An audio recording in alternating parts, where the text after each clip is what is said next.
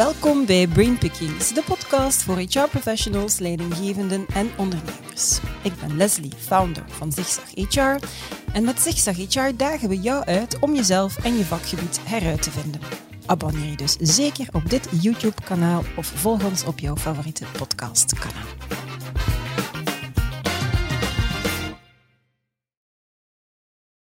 Learning in the flow of work. Daar gaan we het in deze podcast over hebben. En over artificial intelligence. Want om mensen efficiënter, effectiever en gepersonaliseerd te laten leren op het werk, heb je AI nodig. En hoewel de technologie er vandaag al is, zien we eigenlijk nog maar bitter weinig toepassingen in learning and development en HR. Nochtans, we zijn er echt wel al jaren over bezig. En AI is overigens niet hetzelfde als analytics. Dat is alvast één van de misverstanden die mijn twee gasten van vandaag, Frederik van Tornout en Elias Corney van het People Analytics team van Deloitte Consulting, de wereld uit willen helpen. De grootste misverstanden als het gaat om AI en HR. Het belang van evidence-based management en datageletterdheid in talentmanagement en concrete tips om learning in the flow of work ook in jouw organisatie mogelijk te maken. Dat krijg je het komende half uur van twee experten ter zake. Dat hebben ze mij toch beloofd. Welkom. Dag heren. Hallo. Het is eigenlijk andersom, want ik zit bij jullie in de Deloitte-studio. Welkom in onze studio. Dank je wel. Dank je wel. Blij hier uh, opnieuw te mogen, uh, te mogen zijn. Um, zijn jullie er klaar voor? Zeker.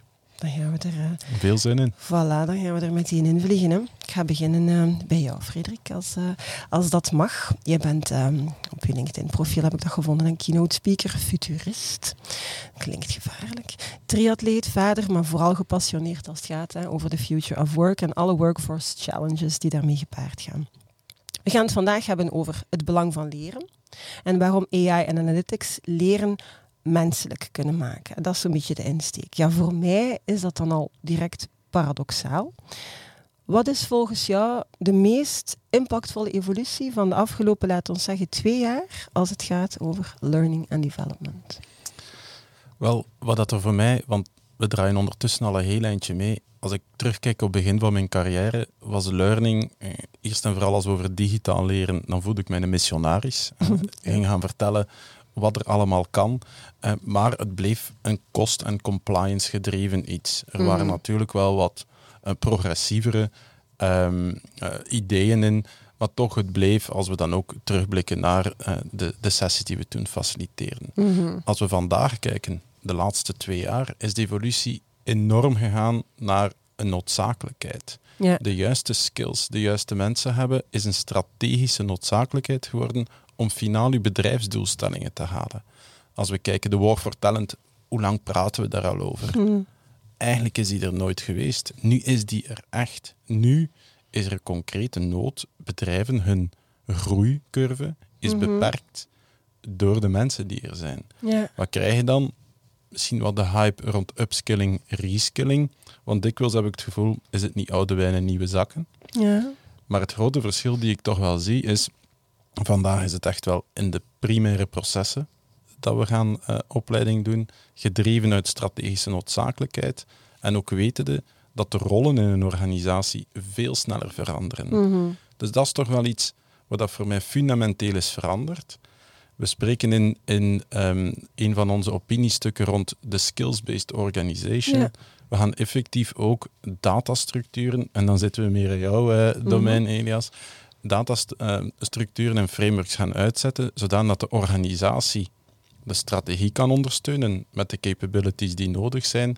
En dat kunnen we dan gaan vertalen naar individuen, Mhm. mm-hmm. de skills die we daarachter kunnen gaan zetten. En dat is toch voor mij iets, iets fundamenteel verschillend, waar dat dan de, de buzzword misschien, de smart tech, ja. AI en analytics, een enorme rol gaan kunnen spelen in de toekomst. Mm-hmm. Oké. Okay. Elias, um, senior consultant aan het People Analytics team hier. Je hebt een wetenschappelijke achtergrond en je bent een pleitbezorger van evidence-based management en data-driven decision making. Buikgevoel is aan jou niet besteed, denk ik dan. En je omschrijft jezelf als een, een datatranslator, tra translator. Ik ben Engels en Nederlands een beetje door elkaar in het uh, hutsen. En je helpt bedrijven om waardevolle inzichten te gaan genereren op basis van people uh, data. Wat moeten we, en dat vind ik toch wel een zeer belangrijke, wat moeten we zeker weten als het gaat over evidence-based HR en over data-driven HR, zo voor mensen die luisteren? In een nutshell. Het is niet hetzelfde natuurlijk. Mhm. Data-driven HR eh, gaat puur over het stukje data Mhm. en data gebruiken om HR-gerelateerde beslissingen te nemen. Ehm, HR, eh, data-driven HR wil niet zeggen dat je zomaar met elk type data aan de slag gaat. Nee. Het wil wel Mhm. zeggen dat je zeer gerichte keuzes maakt met je data. Maar evidence-based HR is iets breder. Mhm. Evidence-based HR zegt eigenlijk dat data een bron is van informatie om beslissingen te nemen. Maar je moet die verrijken met ja, wat dat professionals weten over leren, je leerprofessionals in je organisatie. Dus het is een deel van de waarheid Ja, voor al ja. je stakeholders, Mhm. typisch model van evidence-based Mhm. management inderdaad. Ehm, maar dat is het grote verschil. Hè. Zie HR-data niet als de grote oplossing, Mhm. maar zie het als een, een deel van de waarheid en een deel van de oplossing om bepaalde beslissingen te nemen. Ja.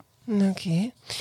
AI is niet hetzelfde als analytics. En die begrippen die worden eigenlijk wel door elkaar gebruikt. En ik vrees dat ik dat zelf ook wel regelmatig doe. Maak het dus duidelijk voor eens en voor altijd wat het verschil tussen de twee. Wel, volgens mij heeft het te maken met eh, de menselijke factor. Eh, Mhm. wanneer je spreekt over analytics, ga je vaak ja, rapporten krijgen, data krijgen, waar dat een mens nog altijd interpretatie moet doen. Mhm. Denk aan, eh, je hebt een eh, leersysteem die heel veel data genereert, zelfs een aantal rapporten genereert op wekelijkse of op maandelijkse basis. Je krijgt die rapporten en dat kan gaan over wat zijn de typische skills in mijn organisatie, eh, hoeveel leertijd wordt er doorgebracht op ons platform. Maar als je beslissingen moet nemen, moet je als mens nog altijd zelf gaan Mhm. bekijken van oké, wat kan ik daar nu mee doen? En moet je zelf de acties gaan definiëren. AI gaat natuurlijk veel stappen verder. Hè. Het leert eigenlijk een aantal menselijke eigenschappen. Het leert om bijvoorbeeld aan de lerende een aantal aanbevelingen te doen op basis van zijn skillsprofiel. Op basis van de competenties die je hebt opgebouwd, gaat het systeem jezelf een aantal aanbevelingen doen, zoals als Spotify dat doet eh, op vlak Mhm. van muziek en Netflix op vlak van, eh, van eh, films of, of shows. Gaat het leersysteem jezelf een aantal aanbevelingen doen van kijk, dit is wat volgens onze informatie die wij hebben over u Ja, ja, belangrijk is voor je volgende ontwikkelingsfase, laat ons zeggen. oké. En dus de menselijke interactie die daar een beetje uit is, eh, dat is wat dat AI zo uniek maakt. Maar dat is natuurlijk wel een heel geavanceerd systeem en daar zien we toch dat organisaties ja, nog altijd niet echt eh, helemaal klaar voor zijn. We zien Mhm. weinig toepassingen in de praktijk waar dat, dat systeem te volle wordt benut. Ja, een bedenking die ik daar eh, spontaan bij heb, eh, om, omdat je nu inderdaad het voorbeeld geeft van, eh, van, van Netflix of, of van een Spotify-lijst. Ik weet, ik ben nu even de titel, ver- de, hoe dat, dat noemt, maar je hebt een playlist in Spotify die net een, een, aantal suggesties gaat doen op basis van wat je net niet graag hoort of niet vaak beluistert. Ik ben de naam daarvan kwijt, maar ik vond dat interessant, omdat het gevoel dat ik heb bij AI, en ook zelfs op LinkedIn, het algoritme bepaalt wat jij interessant vindt. Dus je komt toch in een bubbel terecht. Hoe ga je daar dan mee om? Want dan, dan wordt het heel eng. Ja, dat is een heel goede opmerking. Ik denk eh, dat daar het menselijke aspect dan terug een belangrijke rol Die speelt. meerwaarde hè, die meerwaarde heeft, dat je ja, niet alleen eh, het AI-systeem loslaat, maar dat je ook nog een aantal controlemechanismen inbouwt. En dat je ook als leerprofessional eh, de strategische keuze gaat maken, of als L&D-departement, van ja, willen we mensen blijven in die bubbel sturen, of Mhm. willen we toch ergens ja, een aantal aanbevelingen doen die misschien buiten hun comfortzone liggen. En daar zit Ja. een- misschien een, op kwartaalbasis een evaluatie in van het systeem, hoe kunnen we dat verder Ja. eigenlijk gaan optimaliseren. En dus daar Oké. zitten die menselijke aspecten zitten daar terug in. Ja. Maar daar zit een, een superbelangrijk verschil in dat je net aanhaalt. De rol van L&D. Als we ervan uitgaan dat AI de keuze van een individueel leertraject, waar vandaag administratief nog altijd zeer veel tijd naar gaat, Mhm. vanuit een L&D-functie, om mensen de juiste content, een vraag die binnenkomt, ik wil dat gaan volgen, wat kan ik gaan doen? Als we AI kunnen inzetten om de administratieve last die er Mhm. vandaag in de L&D-functie zit, weg te halen, dan kan je exact, zoals Elias zegt, de, de rol verandert dan. En dan gaan we meer het engagement ehm, eh, gaan gebruiken en de data gaan interpreteren. Het is super belangrijk om heel dicht bij het systeem te blijven. Want je kan niet de holy grail Mhm. verwachten. Net zodat de, de gebruiker bij Spotify en andere, de input super belangrijk wordt. Wat is de content die ik geef? Wat is mijn gedrag? Je moet kunnen luisteren. Mhm. Maar ook vanuit wat jij net zegt, is welke andere bijsturingen, en dat is toch wel een heel andere rol die je dan opneemt als LD, Ja. eh, gaan we gaan analyseren in het gedrag van het, van het AI-systeem en hoe kunnen we die dan ehm, via andere invloeden eh, gaan bijsturen, Ja. bij wijze van spreken. En dat kan verschillend zijn. Dat kan tal van verschillende eh, mogelijkheden zijn hoe dat je dat kun- kan gaan bijsturen. Er is niet één ding, maar daar Mhm. komt ook terug de creativiteit van L&D naar boven, om dat verder te gaan au- automatiseren, verder schaalbaar te maken en correcter te gaan maken. Mhm. Ja, dus het is eigenlijk gewoon niet de vervanging van, maak ik daaruit op, maar echt wel de twee gaan inzetten en optimaliseren zodanig dat zaken waar de L&D nu te veel tijd in steekt en die geen meerwaarde creëren, op een andere manier kunnen gebeuren en dat er dan tijd vrijkomt om effectief te zorgen dat die mensen bijvoorbeeld uit die bubbel dan gaan geraken. En de buzzwords, eh, humanize work Ja. enzovoort. Maar neem nu Netflix of Mhm. Spotify. Hoeveel hoor je niet van iemand, oh, heb je die serie gezien? Ja. En Ja. toch ga je dan, ah ja, en dan word je ook beïnvloed van buitenaf. Ook dat is gewoon, we zoeken het soms zo ver en, en het is een onderdeel, het zal u helpen. We gaan tenminste individuele leertrajecten hebben, Mhm. want de, de learner hè, moet het allemaal zelf doen en dat is heel moeilijk. We gaan Mhm. tenminste een goede basis hebben en die kunnen we dan gaan verrijken met individuele. Hè. Een goede film die Elias Ja. gezien heeft, ga ik dan ook gaan bekijken. Zo voeden we dat dan. Dus het human aspect, het menselijke aspect, is zeer belangrijk. Maar onze rol zal wel een beetje veranderen. Ja. Oké. We hebben de mond vol aan sowieso van AI. En ik denk dat jullie het er net ook al hebben gezegd. Hoewel, er is al heel veel mogelijk.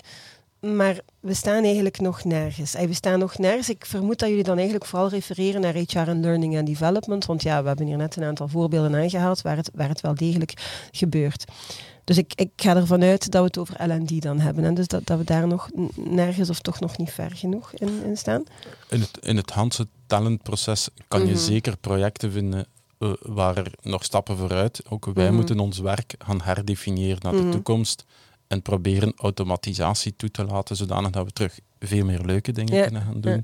Maar learning and development eh, denken wij althans, dat zeker en vast in het administratieve luik, Mhm. eh, waar we vandaag nog altijd heel veel tijd aan stoppen, Mhm. want een LMS is niet de oplossing. Een Mhm. leeromgeving of een content curatieplatform zijn onderdelen daarvan.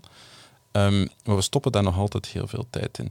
Daar alleen al kunnen we enorme, ehm, Mhm. eh, enorme voorsprongen nemen, enorme stappen vooruit zetten. En daarom is L&D juist zo'n interessante onboarding trajecten, andere typen van, van trajecten.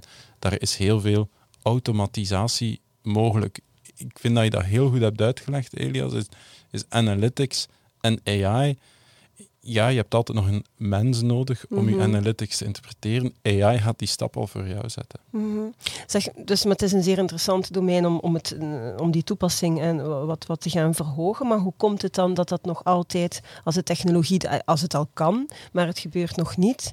Is het dan dat men schrik heeft? Is het omdat men echte competenties niet? Mag men niet? Is men bang? Is het iets met privacy? Wa- wa- Waar knelt dat schoentje dan het meest? Want het zal op verschillende domeinen knellen, hè, zoals altijd. Maar waar, is, waar knelt het dan het meest?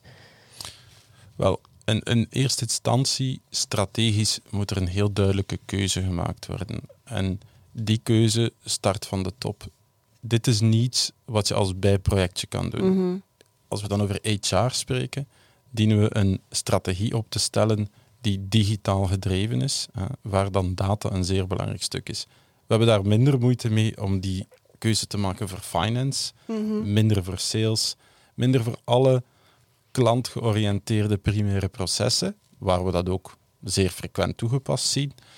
Vanuit ehm, HR is het dikwijls een beetje een guerrilla-strijd. Dan we van onderuit gaan we proberen en gaan we met heel veel goesting Mhm. proberen dat te gaan doen.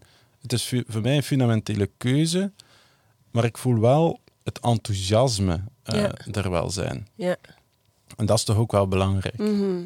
En de datageletterdheid. Ja, ik denk inderdaad, als, als je bekijkt naar de, pardon, de organisaties waar, mee, we mee samenwerken, ja, die zijn allemaal zeer gedreven om, om data te Mhm. beginnen gebruiken, om analytics toe te passen, zijn al aan het nadenken. Dus aan de over- mindset ligt het zeker niet. Nee, ik denk mhm. ook, binnen HR zie je typisch wel een lagere datageletterdheid. Eh, wat dat je bijvoorbeeld in marketing en in sales vaak die geletterdheid toch wel iets hoger ligt.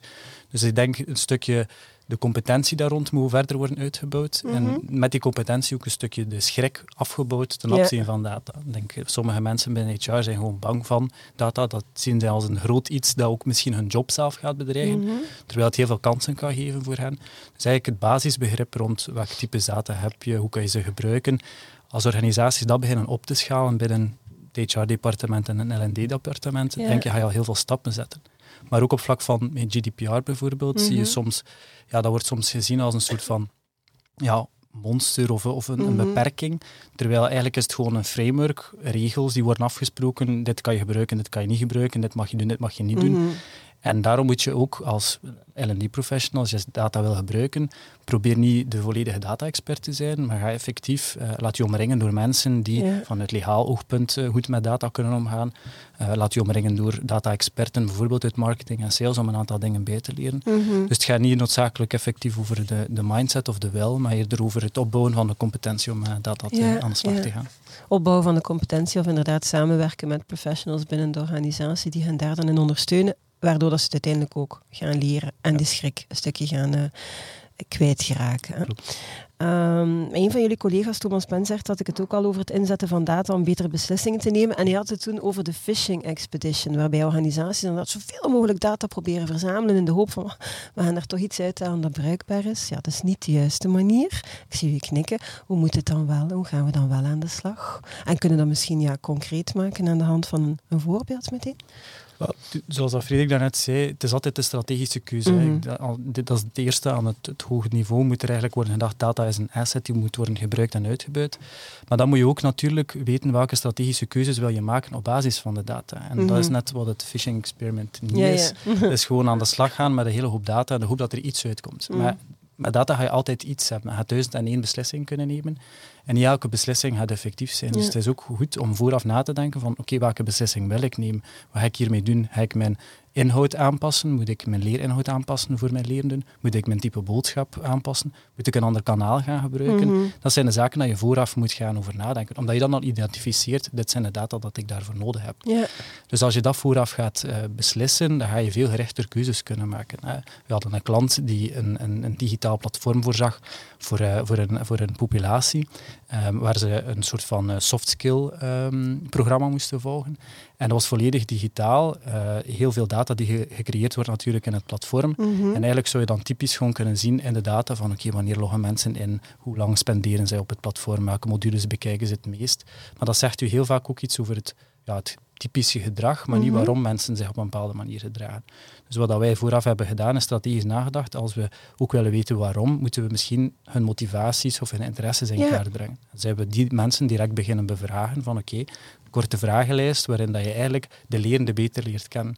En zijn dat strategisch, zijn die strategische beslissingen, beslissingen vooraf die Mhm. echt gaan bepalen welke actie je kan ondernemen. Hè. Wij konden aan de hand daarvan heel goed de groep gaan differentiëren en gaan segmenteren. Mensen die al heel sterk aanleunden bij waar ze naar de toekomst naartoe konden, versus mensen die nog wat conservatief waren en misschien die soft skills daar het belang niet van inzagen. Ja, ja. Maar dus door een heel kleine ingreep, door extra data te genereren met een survey, konden we eigenlijk die groep veel meer gaan segmenteren. Mhm. En zijn dat soort strategische beslissingen vooraf, die eigenlijk veel beter of efficiënter en effectiever gaan zijn Ja. dan puur hè, naar een hele hoop data proberen te kijken en de hoop dat er iets juist valt. hè. En dat je er iets mee gaat kunnen doen. Maar wat, dat je, wat dat je nu zegt, ja, dan ga je inderdaad verschillende groepen gaan hebben, waar dat je dan gaat zien van oké, we, gaan, we gaan daar op een andere manier mee aan de slag moeten gaan, omdat ze nog verder of net dichterbij een bepaalde doelstelling al, eh, al zetten. Ja, mm, oké.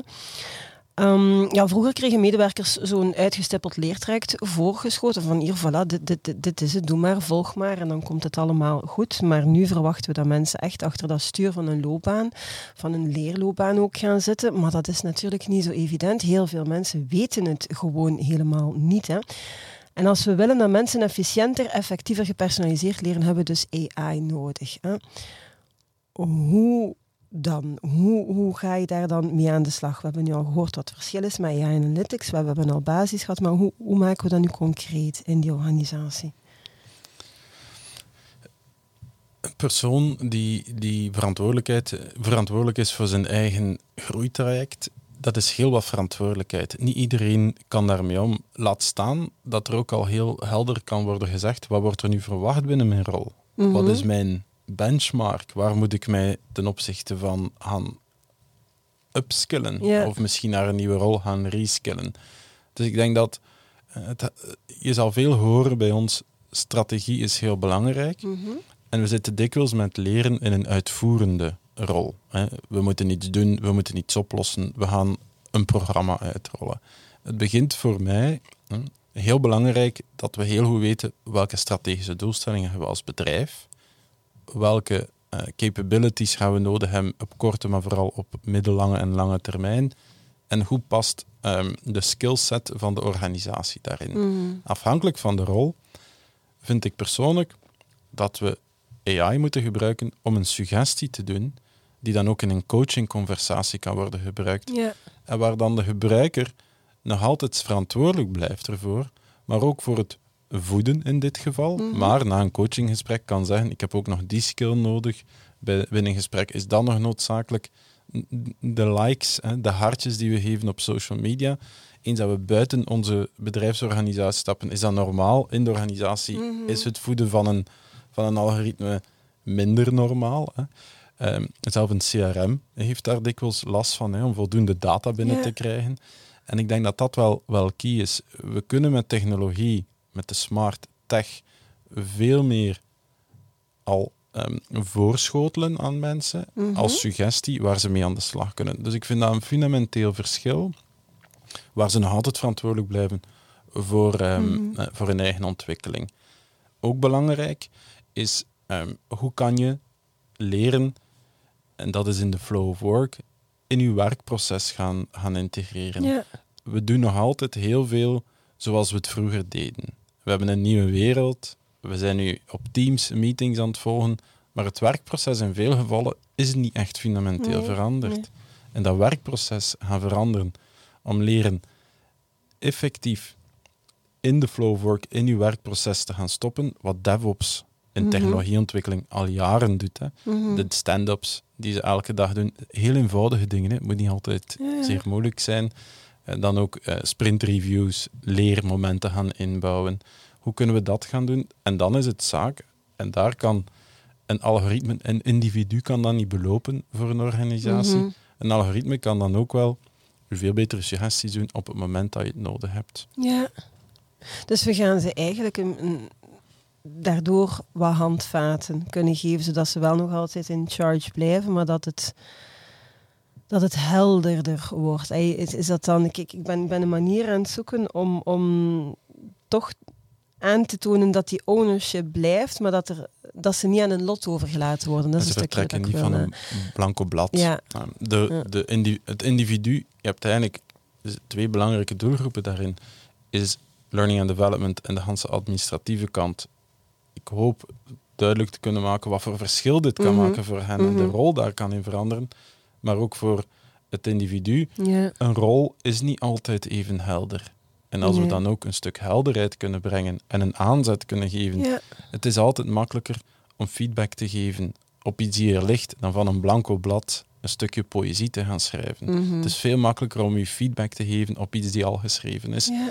En dat is iets waar dat wij denken dat het absoluut een aanvulling is, maar ook vooral een enorme stap vooruit van iets die er Mhm. vandaag niet is, tot iets die al tot een zeer goed niveau is, die dan verder kan verrijkt worden door coach, line manager, L&D, individu. Ja, ja. oké, helder. Ja, ik denk ook dat het te maken heeft met de L&D-professional ook een meer zichtbaarheid te geven in de organisatie. Ja. Door AI te gaan gebruiken of analytics te gaan gebruiken, ga je ja, efficiënter, effectiever tot beslissingen nemen. Oké, de, komen, oké, de, de werknemer zit nog altijd in de driver's seat, Mhm.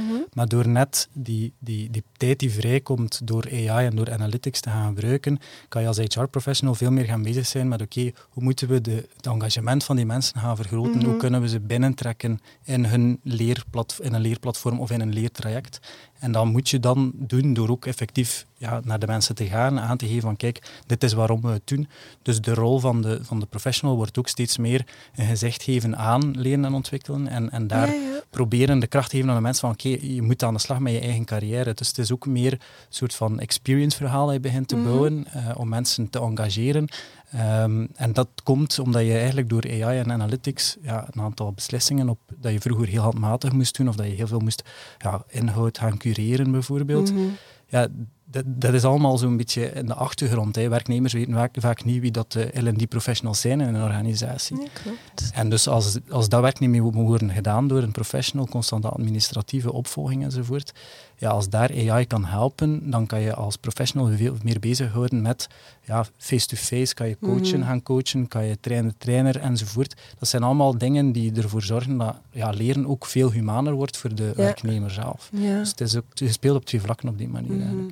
Nu, je hebt daarnet eigenlijk ook aangehaald, die, die motivatie, dat engagement van die leren, dat is minstens even belangrijk als, als we zijn er nog bezig over AI, maar de persoonlijkheid, motivatie van de lerenden, staan mensen überhaupt open hè, om, om te leren? Zien, zien ze effectief de meerwaarde ervan en zien ze de noodzaak? Hoe, hoe, hoe, ga je dat dan in, in kaart brengen? Is dat dan door, door gesprekken te voeren of, of hoe ga je dat dan eh, doen?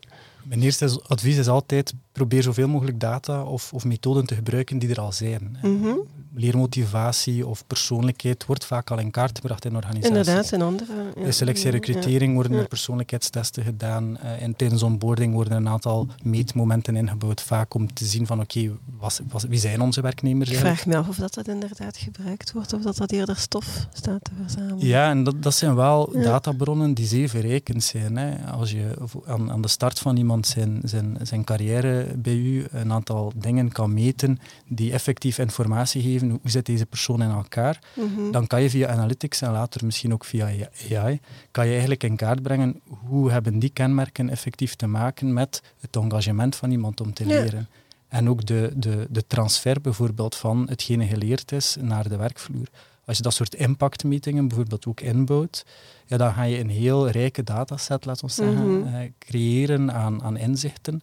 Uh, waardoor dat je de lerende heel goed leert kennen, maar dat je ook heel makkelijk segmenten kunt gaan creëren. En bij mensen de start van hun carrière op basis van bijvoorbeeld typische profielen die je zag in het verleden, ja, als er dan nieuwe mensen toekomen die aan een bepaald profiel of aan een bepaalde identiteit, laten we zeggen, als lerende mhm. beantwoorden, kan je zien van oké, misschien kunnen we ja, op die of die manier met hen omgaan uh, of hen inhoud gaan aanleveren via een bepaald kanaal, omdat we weten uit het verleden dat dat, de dat, typisch, dat, blijkt te ja, dat, dat blijkt te werken. Ja, ja. En dat zorgt er ook voor uh, als je dat steeds meer gaat gaan doen, dat je een stukje, wat zal zijn, marketing en sales al vaak doen, een stukje AB-testing. Dat je bepaalde dingen gaat uitproberen, uh, gaat piloteren, gaat vergelijken, boodschappen gaat wisselen, andere kanalen gaat gebruiken. En dat is het leuke dan als, als professional in R&D, dan kan je ja, creatiever omgaan en kan je die dingen uitproberen.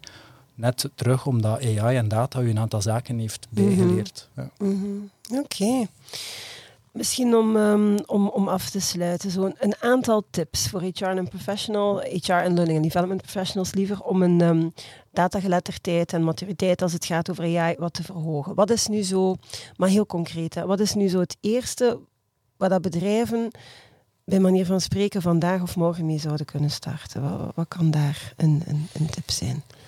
Misschien eentje al die bij mij naar boven komt is het klinkt allemaal zeer groot wat we vertellen, maar begin met een eerste stap. Zoek mm één project waar dat je mee aan de slag kan gaan en probeer niet alles ineens op te lossen. Mhm. De intimidatie van de gigantische set van data die we vandaag hebben, de ambitie die er misschien is, mag je niet tegenhouden om, om aan de slag te gaan. Zet je eerste stappen en zorg ten tweede ook dat je een strategie hebt, zeker en vast uh, een dot on the horizon, een ambitie mhm. uitspreekt, maar probeer niet te snel te gaan. Mm Maar je zal zien, als je dat juist aanpakt, uh, data is exponentieel, dan zal dat ook wel een, een, een machine zijn die zal versnellen. En waar dat ook de waarde binnen de organisatie snel duidelijk is. Mhm. Oké, dus laat u eigenlijk niet bang maken hoor ik daarbij na, want er doen zoveel.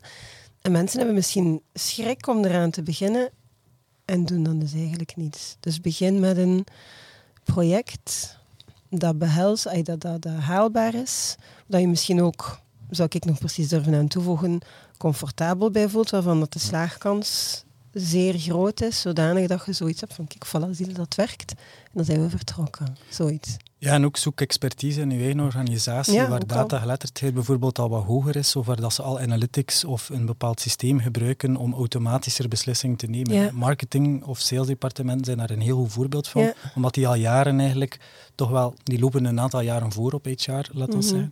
Ehm, dat zijn de mensen die heel vaak ja, naar, een, naar een bepaald probleem, of stel dat je een proces wil optimaliseren, je onboardingproces, of je wilt een nieuwe trainingsmodule aanbieden. Ehm, die mensen kunnen daar met een andere kijk naar kijken. Die Mhm. gaan zeggen van, ah, dat zijn de typische data, hoe dat wij bijvoorbeeld met onze klanten dan, hè, met ons klantenbestand, zien van hoe interageren wij met hen, welke reactie hebben zij ten aanzien van ons. Dus dat zijn de mensen die daar al wat inzichten kunnen geven. Ehm, en ja, als je dan een één specifieke case ja, identificeert van kijk, daar kunnen we data beter gaan gebruiken om onze beslissing op te gaan baseren. Dat zijn net die mensen die je verder gaan kunnen helpen. Ja, ja. Dus zeker als je wil beginnen met data, je, je- je hoeft geen schrik ervoor te hebben. En denk ik heel belangrijk, laat je omringen door de mensen die effectief al gewoon zijn om met data te werken. En die zitten in finance, die zitten in IT. Ehm, die worden vaak aangeworven. Hè. In de dag van vandaag worden er heel veel data scientists Mhm. bijvoorbeeld aangeworven. Experten die dan effectief de advanced analytics kunnen doen of zelfs AI-modellen kunnen bouwen. Maar als professional binnen HR is het heel belangrijk om net Mhm. dat netwerkje op te bouwen. Waardoor dat je eigenlijk, denk ik, als ook als inhoudelijk expert, want dat is wat de HR-professionals en Mhm. die professionals typisch zijn, de inhoudelijke expert, u veel meer gaan focussen om dat verder uit te bouwen. En Ja. aan de hand van uw netwerk aan data-experten ga je die inzichten kunnen gebruiken om, om je job eigenlijk ook beter te doen. Mhm, durf hulp vragen en zet in op internetwerk. Onthoud ik daar ook heel Klopt. uit. eh, ja. Maar dat, om af te sluiten, de aller, aller, allerbelangrijkste boodschap, want ik heb bij jullie collega's in een andere podcast, eh, hebben we het nog eens over Ebbinghaus gehad, van de mensen die eh, vergeten van alles, dus ze moeten herhalen, herhalen, herhalen. En mensen gaan meestal maar één zaak uit een podcast onthouden. Zei ik dacht van shit, ik heb er al 155 gedaan en mensen daar dan zo weinig uit onthouden. Maar wat moeten ze als final words zeker uit jullie podcast onthouden? De ultieme wijsheid. Dan moeten we bij jou zijn. Hè? Dat heeft hij mooi in uw, in uw kamp gegooid. Hè? Ja, maar ik zou terugkomen. Wees echt niet bang om ermee te starten. Want dat is ook vaak het, het, het gaat er gewoon op begin eraan. Dat is soms het Begin eraan. begin eraan. Want Ja. als je er nu niet mee begint, gaat er binnen vijf jaar gaat de drukker sowieso, sowieso Mhm. zijn om hiermee te beginnen. En hoe sneller dat je er nu mee start, hoe beter dat je gaat voorbereid zijn om effectief je job Hoe meer vertrouwen dat je er al in Voilà, hebt. ja. Ja, ja. Dus dat is mijn ultieme boodschap, omdat ik toch wel merk dat er heel Ja. veel mensen dat veel te groot maken, Mhm. AI en analytics, terwijl het helemaal zo complex niet hoeft te zijn. Nee, begin eraan. Durf eraan beginnen.